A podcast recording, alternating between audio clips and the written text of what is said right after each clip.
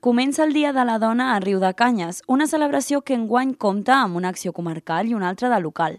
Es començarà la programació amb la lectura del manifest, que es fa a tots els pobles del Baix Camp i que portarà a terme el Consell Comarcal. A més, aquest any s'incorpora com a novetat que totes les dones que vinguin a la lectura del manifest hauran de portar una fotografia impresa d'alguna dona important per a la societat o de manera individual. Aquest plec d'imatges permetrà fer un mural amb totes les dones referents del municipi. Teresa Vilella, regidora d'Igualtat, explica com és important reivindicar aquest dia. Per una part, veiem que s'ha avançat molt, però per l'altra veiem que hi ha molta feina per fer encara. Llavors, això ja ho pensem cada any, però les coses que veiem, el dia a dia, les situacions que, que ens podem trobar, doncs ens fan pensar que realment hi ha moltíssima feina per fer i que aquesta feina s'ha de fer cada dia.